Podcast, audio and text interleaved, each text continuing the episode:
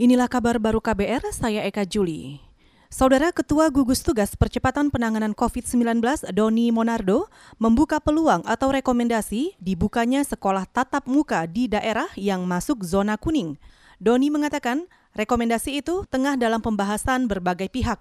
Ia menyebut wacana ini menyeruak pasca adanya permintaan dari sejumlah sekolah dan orang tua murid. Ini dalam topik pembahasan karena ini ada permintaan dari sejumlah orang tua dan juga pimpinan sekolah yang mengatakan sudah sekian lama uh, tidak ada aktivitas, tetapi kalau toh ini jadi maka hanya di zona kuning ya. Jadi zona hijau sudah ada diberikan rekomendasi, tambahannya nanti adalah zona kuning. Tetapi ini dalam masih dalam topik pembahasan. Ketua Gugus Tugas Percepatan Penanganan COVID-19, Doni Monardo juga menambahkan, wacana itu saat ini masih akan terus digodok dan dimatangkan bersama-sama antara Kementerian Pendidikan dan Kebudayaan serta pakar kesehatan. Kendati demikian, Doni menegaskan saat ini gugus tugas hanya merekomendasikan pembukaan sekolah tatap muka di zona hijau.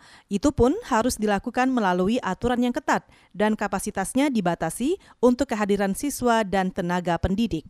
Saudara, harga minyak tergelincir sekitar satu persen di akhir perdagangan Selasa pagi waktu Indonesia Barat. Harga anjlok setelah kasus virus COVID-19 global naik pada rekor jumlah harian. Setelah itu, kejatuhan harga minyak ditenggarai akibat kekhawatiran dan akan ketegangan Amerika Serikat dan Eropa dengan China.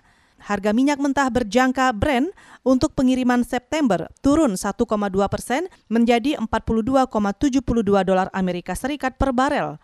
Harga minyak mentah berjangka West Texas Intermediate untuk pengiriman Agustus turun 1,1 persen menjadi 40,10 dolar Amerika per barel. Selain minyak, dolar turun dibanding mata uang utama lainnya pada akhir sesi perdagangan Senin atau Selasa pagi waktu Indonesia Barat. Hal serupa juga terjadi di sejumlah indeks Wall Street. Kita ke La Liga Club. Real Madrid mencatat kemenangan 2-1 atas tuan rumah Granada selasa pagi waktu Indonesia Barat. Kemenangan ke-9 berturut-turut ini makin mendekati gelar juara Liga Spanyol musim ini.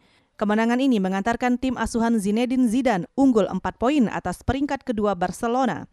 Madrid diambang merebut gelar juara liga pertamanya sejak 2017 jika menang melawan Villarreal Kamis pekan ini atau mereka mengalahkan Leganes pada laga terakhir musim ini.